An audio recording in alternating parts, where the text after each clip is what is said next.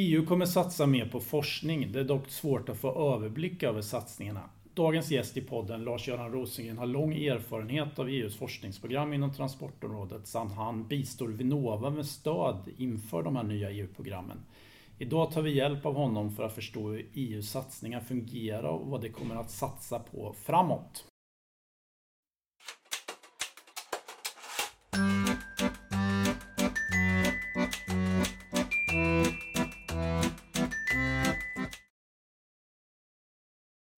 Lars-Göran, med din långa erfarenhet av EU och transportforskning, vad har ändrats över åren inom EU-systemet? Ja, jag har haft förmånen att vara med i samtliga ramprogram. Och om man tänker det första ramprogrammet som var då på 80-talet var det väl. Då eh, var vi ju inne i det här tänket. Nu har vi en del komplicerade saker. Hur fungerar en förbränningsmotor? Hur kan vi bygga modeller så, så forskningen var väldigt modellinriktad. Modellbaserad ingenjörskonst och sådär då. Och ehm, det gjordes en del arbete för vi fick fram användbara modeller som jag tror används än idag för finare förbränningsmodeller, strömningsmodeller och så vidare. Eh, sen då i mitten på 80-talet, slutet på 80-talet, då kom någonting som heter Prometheus in på banan. Det var, handlade om informationsteknologi. Vad kan vi göra med den? Kan vi se till att bilarna inte kolliderar? Kan vi koppla ihop infrastruktur och bilar och skicka meddelande däremellan? Och det fanns då det här Prometheus-projektet som var ett Eureka-projekt och sen var det finns, fanns det projekt på EU, från EU-kommissionen som heter Drive och så vidare. Och när vi träffades där så var man ju... Man identifierade de nya typer av funktioner som man skulle kunna skapa. Och man kan säga utifrån då ett Volvo-perspektiv där jag jobbade på den tiden så, så det där att kommunicera mellan lastbilar och åkerier och speditörer och så vidare.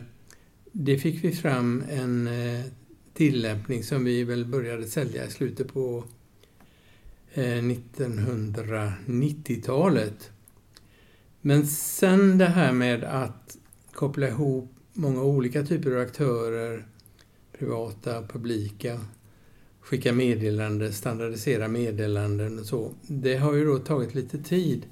Man kan säga för några år sedan så kom det ut någon slags ITS-direktiv och då fanns det en del meddelanden som nu börjar tillämpas och provas i något som heter Nordic Way och så vidare. Kan man, hur kopplar man upp sig till trafiksignaler och så vidare. Så det, eh, det var de två helt olika spåren då. Men sen då i slutet på 90-talet, tror jag det var, eller början på 2000-talet, så började man prata mer om utmaningar. Och då, då blev det tydligare då att fordonen skulle utvecklas så att de klarade en viss typ av regelverk och så vidare. Att man kunde bygga hårdare regelverk och då var det inte alltid säkert att, att en modell, att man bara skulle bygga nya modeller utan man fick eh, jobba utifrån ett liksom lite större perspektiv på, på motorerna och drivlinorna. Och eh, jag tror alltså man kan säga att det, det, var inget fel att ha med sig de här verktygen, modellerna, men man testade eh, ny typ, man, förinsprutning och allt möjligt sånt där. Och eh, att Volvo var med var ju att det fortfarande var väldigt komplicerat och det behövdes väldigt mycket resurser, kunnande. Och vi kunde utnyttja hela, man kunde utnyttja hela Europas eh, universitet, institut och, och, inte minst företag för att adressera de här problemen. Och vi kommer ju från ett litet land där vi inte kan liksom samla ihop så mycket resurser för, för att eh, adressera de här problemen. Så, så jag tror att man kan peka på då att resultat från de satsningarna eh, har kommit in i, i motorutvecklingen. Eh, man pratar hälften av satsningen på den tiden gick också åt till säkerhetsområdet. Så att man byggde system där bilarna, lastbilarna och personbilarna kunde bromsa eh, om det var något hinder, försöka upptäcka hinder och så vidare. Det, det var också väldigt framgångsrikt. Eh, kanske början då på 2000-talet. Och, och, ännu längre in tog det innan de här resultaten eh, kom på plats. Eh, men sen då, om det var i början 2010 eller ungefär då, så började allt mer pratas om innovation. Och då menar man, med innovation menar man förverkligad förnyelse. Man menar inte det här uppfinning, invention, eh, eller vi ska ha ett innovativt angrepp, utan det, det var innovation. Så att när man var med i de här projekten så fanns det hela tiden den aspekten, om vi gör nu detta då, man, man pratar om TRL-nivåer, vi kommer till TRL 8, när kan detta vara ute på marknaden? Mm. Bilföretagen hade ju hela tiden tänkt, det var ju liksom deras utgångspunkt hela tiden, men det blir tydligare från eh, kommissionens sida att, att eh, jobba innovationsinriktat. Vad menar du med TRL? Bara så? Ja, technology Readiness Level. Så att eh, när man hittar på något nytt sånt här koncept så är man kanske på två. Och så på TRL 3 då analyserar, forskar, man vidareutvecklar det. Kanske man testar det i någon i labb TRL 5, på någon provbana TRL 6, i verkligheten på TRL 7 8 då, och TRL 9 då, då, utvecklar man mot implementering. Så att eh, det blev tydligare att man också skulle röra sig upp på högre TRL-nivåer. Å andra sidan då så, så bilföretagen är en väldig konkurrens dem emellan. Det är inte som på järnvägssidan och flygsidan där det finns färre företag. Så att företagen var inte alltid så pigga på att gå upp på de här höga eh, TRL-nivåerna för att eh, av konkurrensskäl då. Förstår. Men eh, jag tänkte, det här är ju historien då fram till 2010. Eller något mer du vill lägga till som hände inom, eh, som har hänt de senaste åren? Inom...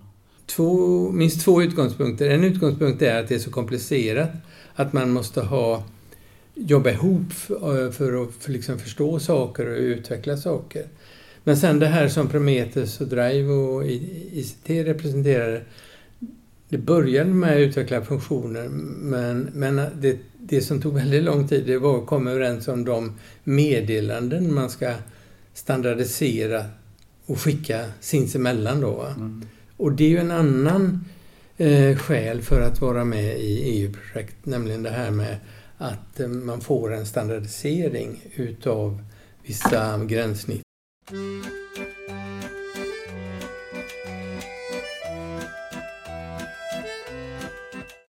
Det nya där som startar 2021. Ja. Vart är man på väg då? Du har ju jobbat med förberedelserna. Jo, jag har jobbat med det sedan ungefär 2017. Och även fortsättningsvis så, så har man en, en eh, utmaningsutgångspunkt. Vilka samhällsutmaningar är det man ska adressera? Vad är det för typ av forskning och innovationsprojekt man behöver bedriva? Eh, men samtidigt är man inte helt nöjd med den här implementeringen utav de resultat som kommer fram från EU-projekten. Så om man jämför med hur det fungerar i bland annat USA. Så nu har man något, någon ny typ av verktyg som man talar om missions. Och eh, missions, då är det liksom att man är inte klar med en missions förrän man har implementerat någonting i verkligheten. Och, och, det finns ju det här klassiska exemplet med månlandare och sånt som var mission, men som i ett ganska avgränsat område. Om vi i transportområdet ska ha den typen av missions så, så är det ju så väldigt många aktörer inblandade.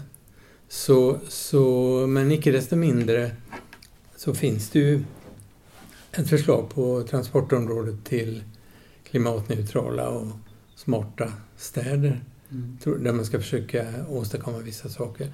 Men, men det som jag tycker att detta speglar det, det är det här ambitionen att få ut mer saker i verkligheten.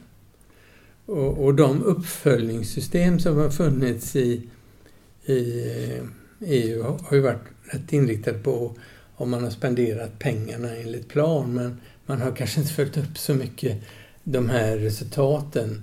Och, och det får vi väl hoppas att det eh, kommer att förbättras då. Precis. Men det här mission är ju nytt då, men jag har också uppfattat att de jobbar lite, det här med partnerskaps... Eh, hur man ska jobba med partnerskap inom EU-systemet. Ja. Eller är det någon förändring större? Eh, ja, man, man ska åtminstone förenkla så man har tre typer nu. Eh, institutionalized, co-programmed och co-funded. Ja, Men det finns ju någonting sedan rätt länge joint undertakings och de är påminner väl kanske om institutionalized. Ja, och så finns det eh, contractual public-private partnerships eh, som är co-programmed.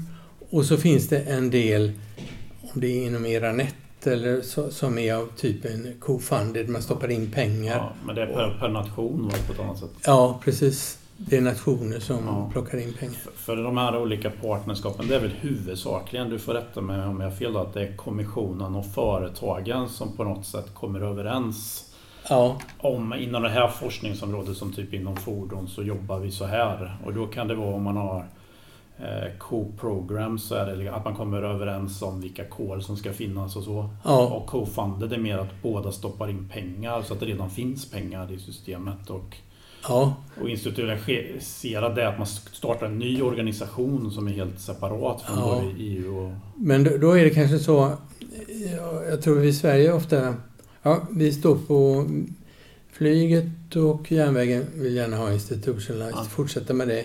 Medan bilindustrin gärna vill fortsätta med eh, co-programmed. En, en co-programmed, den är ganska öppen mm.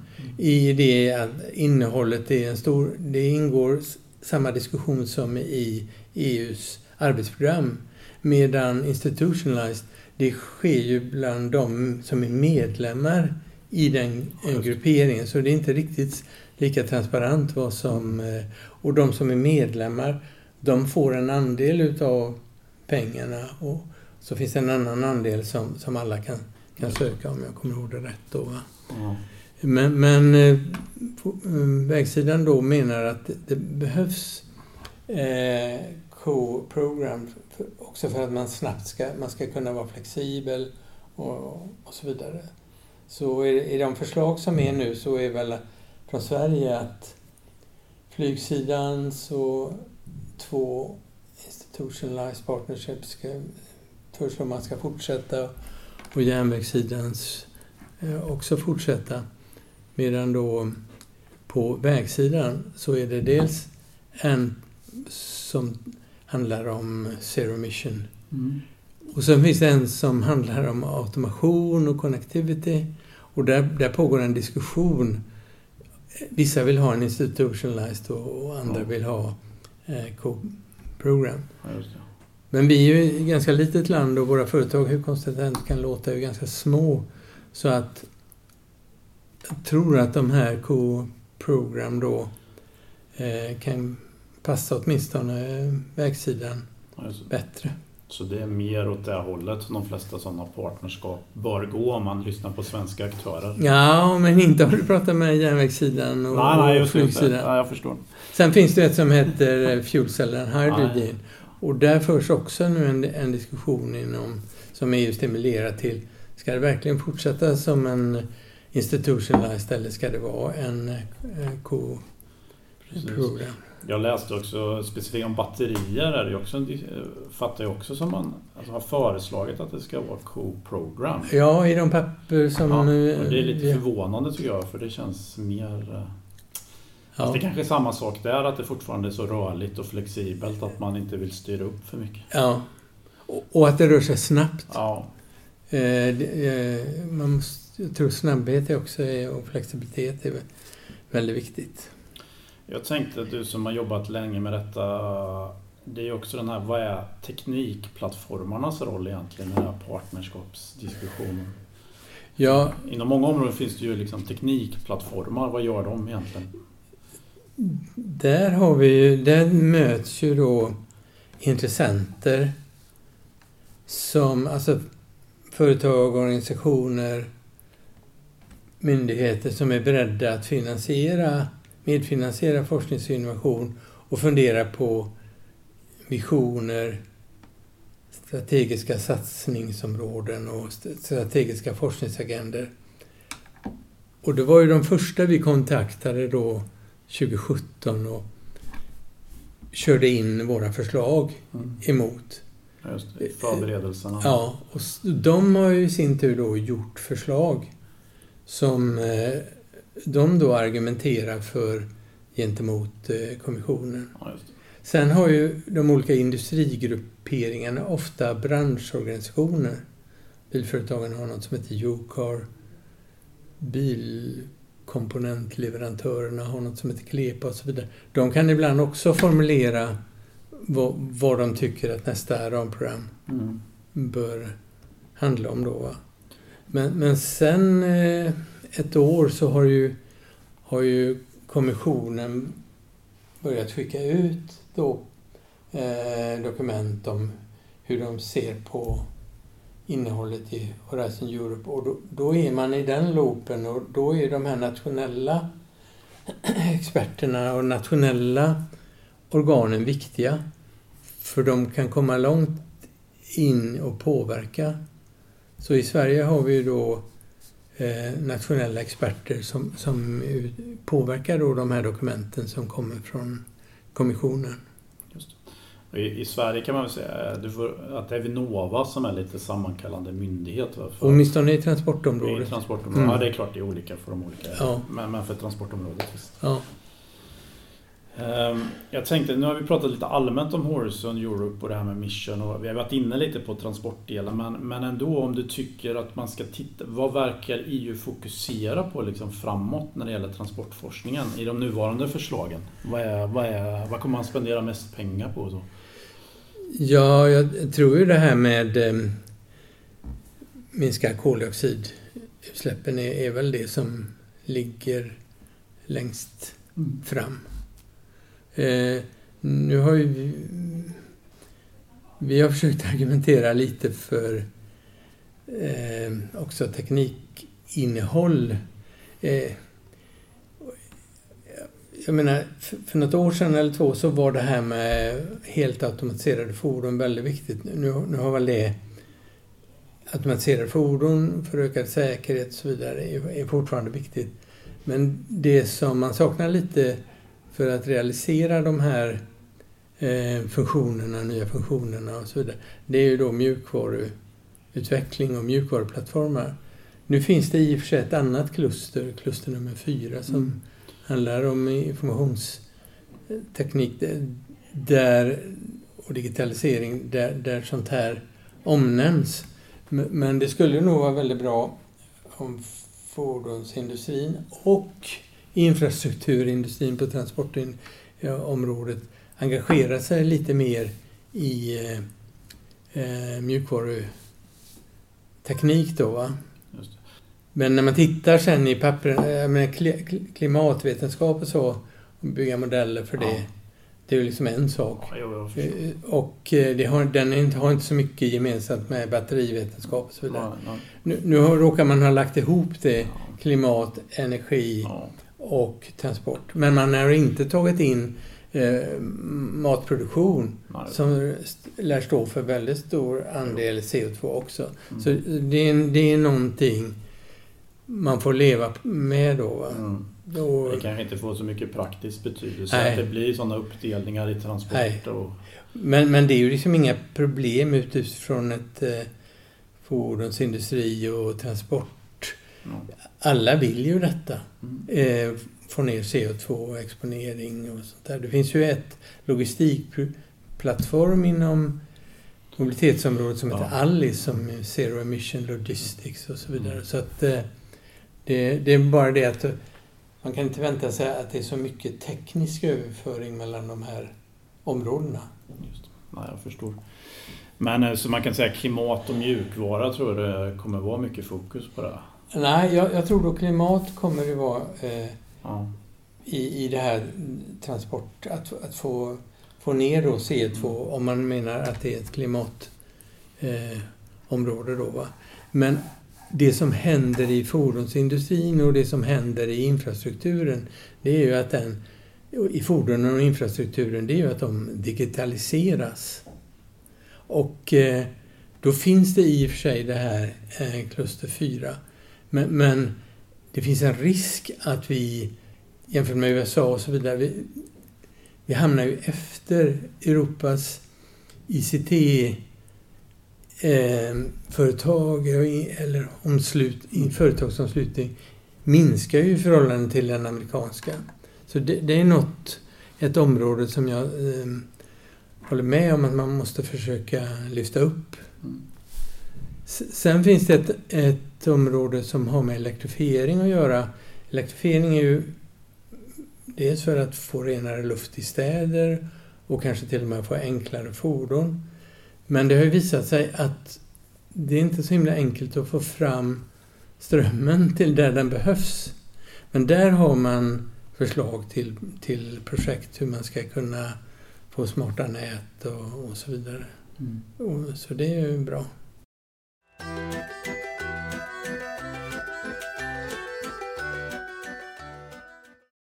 Du berättade ju lite där eh, från din bakgrund AB Volvo varför ni valde att gå med i EU-projekt. Men vad är dina, nu när du har den här långa erfarenheten, vad är liksom de främsta skälen för svenska aktörer att vara med i EU-projekt? Vad, vad är liksom poängen? Ja, man upptäcker ju att eh, en, del tankar man kanske haft själv, att det, det är många som jobbar med dem sedan länge. Va? Och att det finns väldigt mycket duktigt folk eh, i, Europa. Så, så, och för, men för att bli accepterad bland dem och komma in i projekt så, så, så, får man alltså kunna tillföra någonting. Och vi har haft en... Vi har haft och har bra universitet och så vidare. Så jag, jag tror att vi har den möjligheten att komma in. Det, det som är är ju då att det är ganska långa ledtider innan det kommer ut några resultat på marknaden. Det här med eh, som var på telematikområdet som det heter ibland på vägsidan. Det var om du tänker 20, 1990 till 2015. Det, det, det är rätt många år. Va? Och, men det är inte alltid det, det tar så himla lång tid. Och Volvo fick ju ut produkter långt innan i en mer avgränsad sfär. Då, så att, eh, men det, det, är ändå så att det om man tittar i det här dokumentet eh, om strategin för Horizon Europe så, så, räknar man att genomslaget kommersiellt på marknaden ska komma 2030. Så det är ju ändå tio år. Mm. Om nu mm, programmen börjar dela ut pengar 2021 eller vad det är då. Va?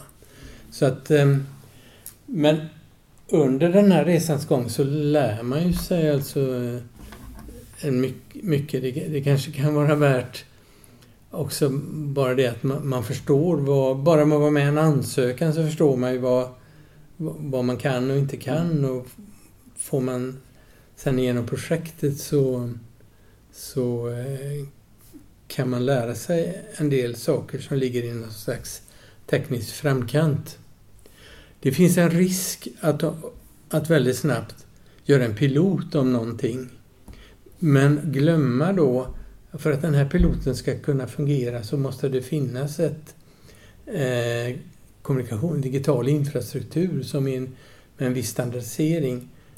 Och, och, det kan också behövas ett visst regelverk, inte minst om vi talar om automatiska fordon och så vidare. Och, och, det pågår ju jättestora ansträngningar nu i Tyskland och Europa för att liksom komma fram till hur, hur ska man certifiera produkter som, som är mer automatiskt mm. Eh, opererade. Så, så ehm, ja. Men, det, men det, det, det, var ju så du berättade lite förut om AB Volvo, så ett intresse det är ju den här aspekten att vissa saker måste vara standardiserade ja. på Europanivå, att man får vara med och påverka om man kan vara med i forskningsprogrammen ja. tidigt. Ibland är också då leverantörsindustrin med. Alltså, mm. Bilföretagen är ju OEM, du kan kalla det, men så är leverantörsföretagen. Så det finns de mest framstående leverantörsföretagen är ofta med och, och då får man vara med på deras topputveckling så att säga. Vilket kan vara bra när man ska leda, ha ledande produkter på marknaden. Eh, men om vi istället går över till att vara lite negativa då. Det finns ju många som är väldigt skeptiska till att vara med i EU-program. Eh, I forskningsprogrammen då. Och det är några tog upp det här med typ ledtiden är så lång, att det är för mycket byråkrati och så eller att det täcker inte omkostnaderna att vara med och så. Vad, vad brukar du säga till sådana som är eh, att det är för mycket negativt så vi ska inte vara med alls? Ja, jag brukar ju säga jag kommer ihåg när vi höll på där med ICT, trafik och transport, att eh, om ni nu börjar nog 1990 och så vidare Sen ungefär 2000 så var det några som upptäckte det. Det kom någon, jag vet inte om det kallas, IT-bubblan. Och det byggdes en massa eh, prototyper och så vidare. Men det ble, blev ingenting av det. För man hade inte tänkt på att man måste ha med sig myndigheter, eh, de som bygger den digitala infrastrukturen, de som man ska skaffa data till och från. Så att, ja, tio år senare då så kom den här började den här satsningen leverera, eller kanske 15 års satsningen som startades då 1990 i Eureka och, och, mm. och eh, Drive och EU-projekt. Eh, då. Så att, eh, och egentligen så är i industrin ledtider ofta ganska långa. Vi ser nu, kommissionen börjar ju 2007 med elektrifierade fordon. Man la väldigt mycket stor del av sina pengar där och det, det var ett ganska stort motstånd då. det var några progressiva företag som, bilföretag som tyckte att det var bra man gjorde så. Men eh, nu tror jag alla är glada för att man eh, la de pengarna. Så, så, så missar man kanske det här svårigheten att få med sig eh, de elektriska näten och nätleverantörerna. Hur ska, eh, hur ska det fungera? Eh, det är inte säkert att det räcker med forskning utan det måste kanske vara regelverk, det kanske måste vara nya, ny, nya sätt att då kunna bygga upp sån infrastruktur. Då, Men, men eh, nu har ju, tror jag, bilföretagen tagit tag i det här lite så att eh, och eh, Tesla förstod ju det från början och, och har ju också tagit det tag i detta då. Så att, eh, det finns väl hopp. Så det här med ledtider, eh, det är lite som det är helt enkelt också. Ja. Och kanske man underskattar samverkan med andra sektorer och myndigheter och då tar det ännu längre tid. Jag, jag tror alltså att om man tänker i bilindustrin, man pratar ofta om nu har vi forskning, nu har vi förberedande utveckling, nu har vi produktutveckling. Eh, en del av de grejer man ser, piloter och sånt, det kan vara forsknings projekt då. Alltså, man får inte blanda ihop att någon har byggt en e-, elektrisk lastbil, om, om den bara är för att visa upp, jämfört med att man har skapat sig en, en tillverkningsprocess som, som är rationell. Va? Det, det tar tid. Mm. Men den här frågan om byråkrati och så mot EU-systemet, alltså att det är en krånglig organisation, alltså EU ehm, att få EU-pengar ger så mycket administrationskostnader och då? Det, det, man, man, kan säga att det finns folk på kommissionen som är medvetna om de problem som är. Men det är ju faktiskt medlemsstaterna och deras representanter som kräver att systemet fungerar så som det gör. Va? Så att eh, det... Men om vi ska... Det här till exempel som man gör i vissa länder som vi gjorde ett tag i EU-projektet. Vi skrev topics där teknikfronten var. Man tog de bästa experterna i företag och universitet och institut och så skrev man ett topic där. Och då, då var det, fick man inte så mycket ansökningar för att det, det var inte alla som klarade att lägga sig där. Och så kom det då i parlamentet och annat och jag vet inte om det kom från länder också att man, att man ska ha öppna, man kallar det öppnare topics. Men, men det har ju lett till att man får en jättestor mängd med ansökningar. Så nu vissa sådana här program så delar man upp i två steg då. För det, det kommer in en hel del förslag om projekt som redan drevs för tiotal år sedan. För det, det, är så mycket okunskap då om var den verkliga teknikfronten står. Så att det, det är ju ett sånt här dilemma som har uppkommit på grund av ett eh, politiskt tryck bland annat i parlamentet då. Så du tycker trenden är att man går från mer riktade topics, alltså det här teknikhöjden, till lite mer öppna? Är det så? Det har ju varit det, åtminstone förra ramprogrammet. Ja. Det var ju ett tydligt eh, direktiv då. Mm. Men nu då i Horizon Europe? Det, ja, det... Det kanske inte är klart än men... Men, men... men man har ju en förhoppning att det ska... Att man ska förstå det här med vikten av, ur ett europeiskt perspektiv av, av implementering för att vi ska hänga med. Och att man, man på något sätt försöker närma sig då teknikfronten och forskningsfronten i sina skrivningar.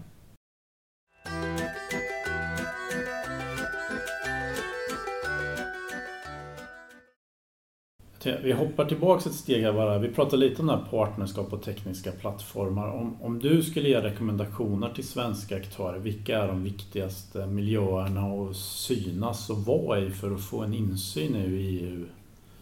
Vart Horizon Europe är på väg inom transportområdet? Va, ja, men det är ju lite...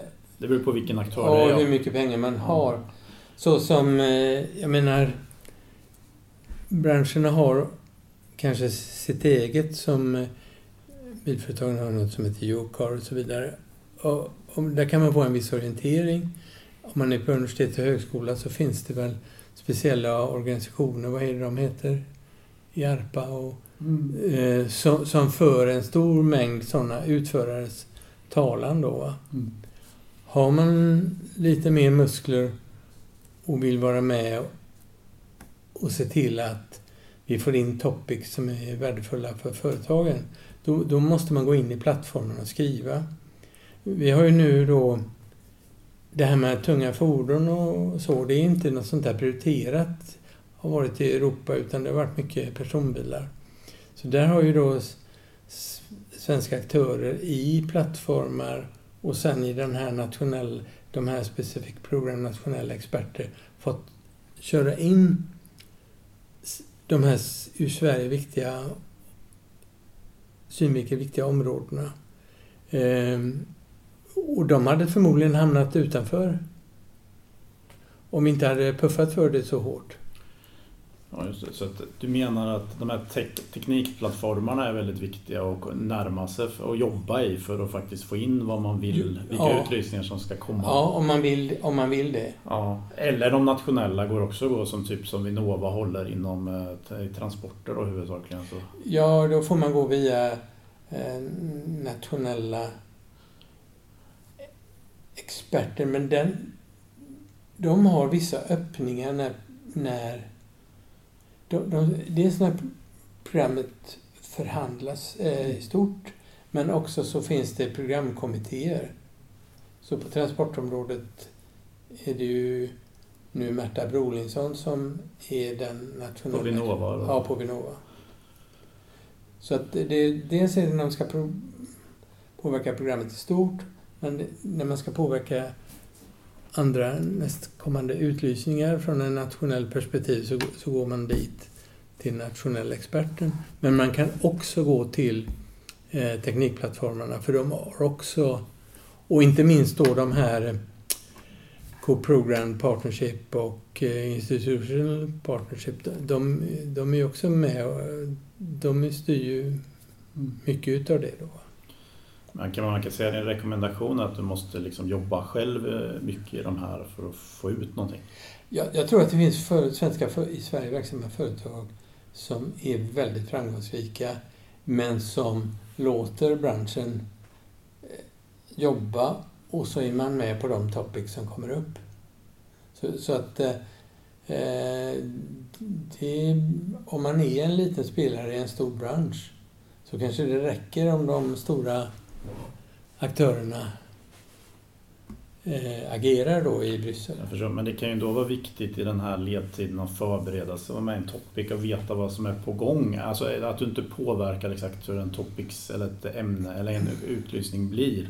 Mm. Men det är väl viktigt att tidigt vara medveten om vad som rör sig och vilka Ja. projektkonsortium som finns. Hur, hur kommer man åt sånt som en liten spelare? Det, det, om man är med då, som vi säger, i det här förberedelsearbetet så träffar man ju folk i korridoren och så vidare. Om, om man inte har varit med där så kan de här branschorganisationerna, de ordnar ibland eh, diskutera med företagen. Vill ni vara med här och hur ska vi göra det? Sen har ju EU vissa sådana här matchmaking days också. Men, men viktigt är nog ändå på, något sätt försöka luska ut vilka konsortier som, som håller på att bildas. Ibland är det så att man fortsätter på ett topic som har, eller ett område som varit aktuellt väldigt länge. Och, och, och då gäller det kanske att försöka prata med dem, om man kan prata in sig där då. Va? Att det redan liksom typ i det här Horizon eh, 2020 då, att i, i det fanns det någon som Ja. höll på med det här topicet ungefär och Ja. man kan komma in i det. Ja. Och, och, och speciellt om man har något att, att tillföra. Mm. Sen kan det ju ibland vara bra eftersom EU-projekt måste... Det räcker inte med ett land eller som söker utan om det kommer med någon från Sverige så kan det vara ett nytt land och det kan ge tillgodose de här kraven att, att projektet inte är för smalt ur nationell utgångspunkt då.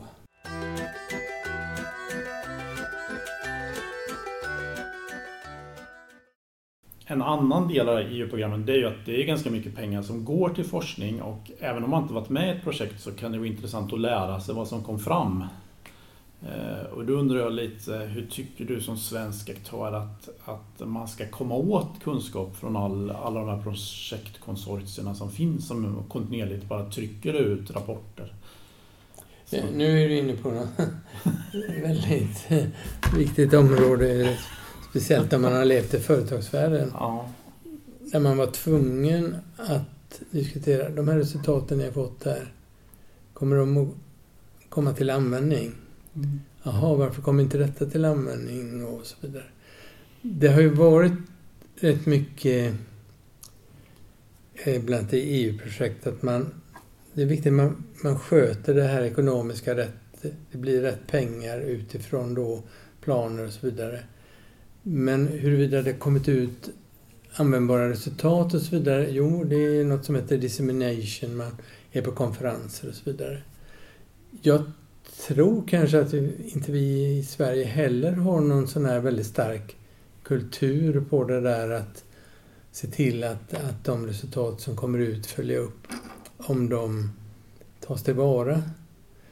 Jag har ju varit på bland annat Department of Energy och diskuterat projektförslag och man har varit väldigt, haft väldigt koll på de pågående projekten, hur levererar de och hur långt har, har, har vissa resultat tagits hand om industrin?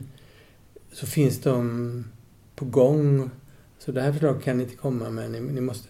Så jag skulle ju önska att eh, de här som handlägger projekten var lite mer up to date om eh, själva om, området, vad, det står. Va? mm, och vad som har implementerats från... Ja, och det, det är ju självklart det finns väldigt många duktiga handläggare både här och där då. Va? Men, men eh, det kanske är då en någon slags kulturfråga. Att vi måste trycka mer på att eh, undersöka om resultaten kommer till användning. Det kan ta tid. Det kunde ta tio år om man måste ha en produktgeneration man kan stoppa in det i och så vidare.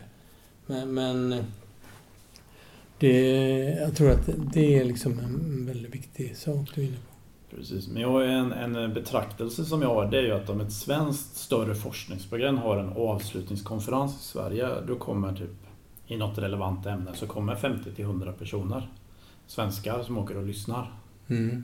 Men om det är ett större EU-program som har typ kanske fem gånger mer budget än det, som har en sån seminariedag i, Stock i Bryssel, då är jag där själv ibland. Mm. Alltså det är någon väldigt eh, mismatch i intresse tycker jag. Ja, men... Eh, det kan vara väldigt, ja det är lite anekdotiskt för så många har jag inte varit på, men lite så tycker ja. jag det men, men jag tror det viktiga är ändå att du får tänka på att de här som är med i de här projekten, de här företagen och ja. offentliga förvaltningar, de stoppar in sina egna pengar i mm. projekten. Så, så det är ju väldigt angeläget för dem att resultaten kommer till användning. Nu pratar jag inte om typ forskningsfinansierande myndigheter men om typ Trafikverk och mm. olika företag stoppar in egna pengar. De vill ha ett resultat. Så att det, det, första som man får göra det är ju att fråga Kommer ni att ta tillvara de här resultaten?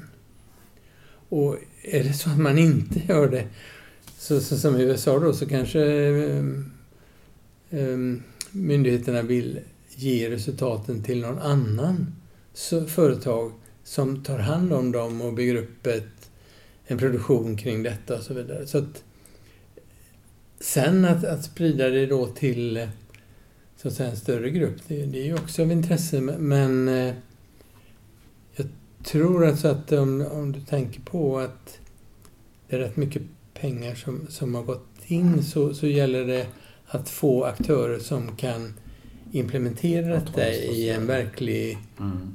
tjänste eller produktproduktion då, va? Som, som är det viktiga och det måste man följa upp. Just. Så din kritik mot EU-systemet är inte att det inte sprids till den här allmänna forskar-communityn utan mer att det är för lite uppföljning och spridning ja. till sådana som faktiskt implementerar. Ja, men man, man försöker ju jobba med, man har några nya verktyg, man ska, åtminstone på småföretag, eh, nya företag, man, försöker där ges olika typer av stöd för att resultaten ska kunna bli tas tillvara och bli företag av och så vidare.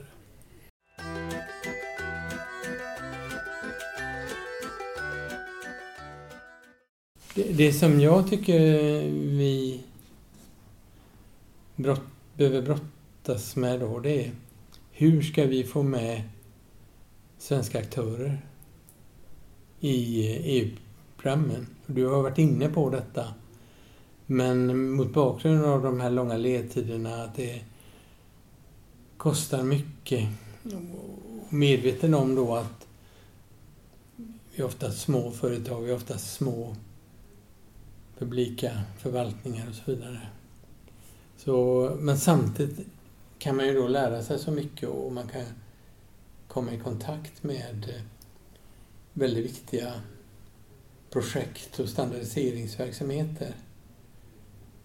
Eh, jag vill bara ställa en motfråga till dig. Hur, hur, hur, hur du... Vad du tror, så att säga. Ehm, vad jag tror? Att man skulle göra.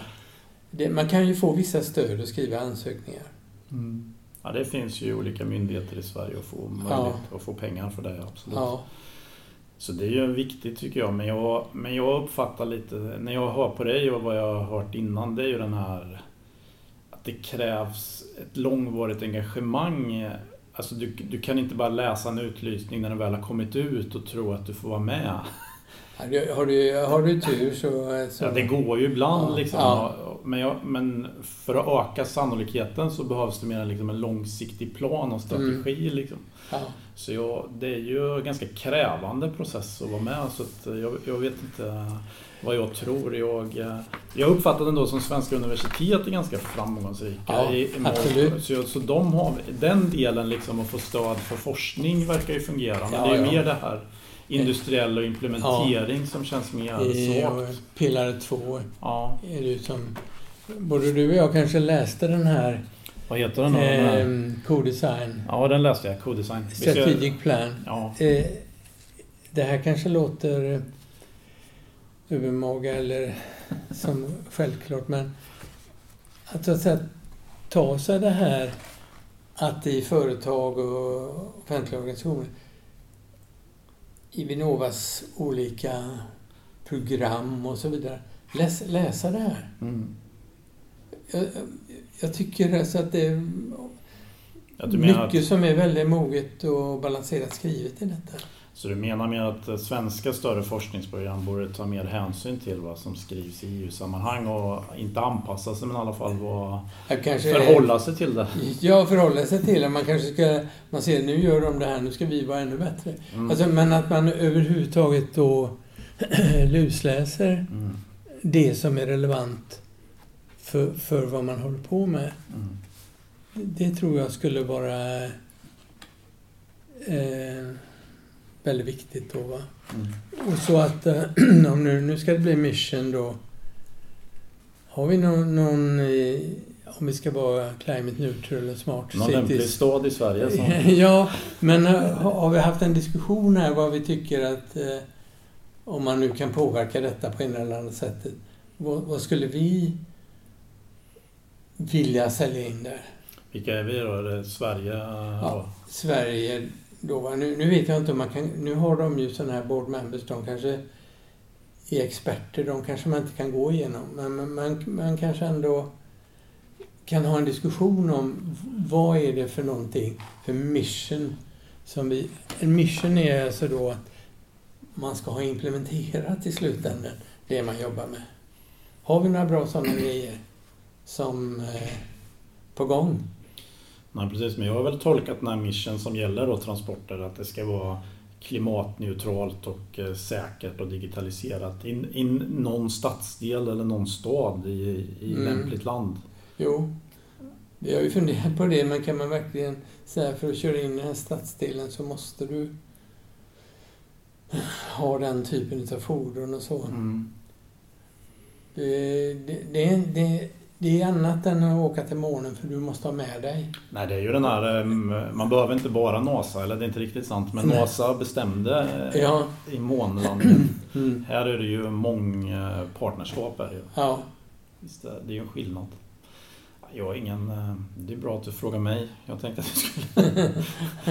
ja men jag, jag kan ha vissa idéer men, eh, som eh, bolager så på saker som, som jobbas med. Men Jag, Jag tror, jag tror alltså att det är väldigt viktigt att... eh, Och, och det här, är- man vill ha det user-centered, man vill ha att användarna, medborgarna...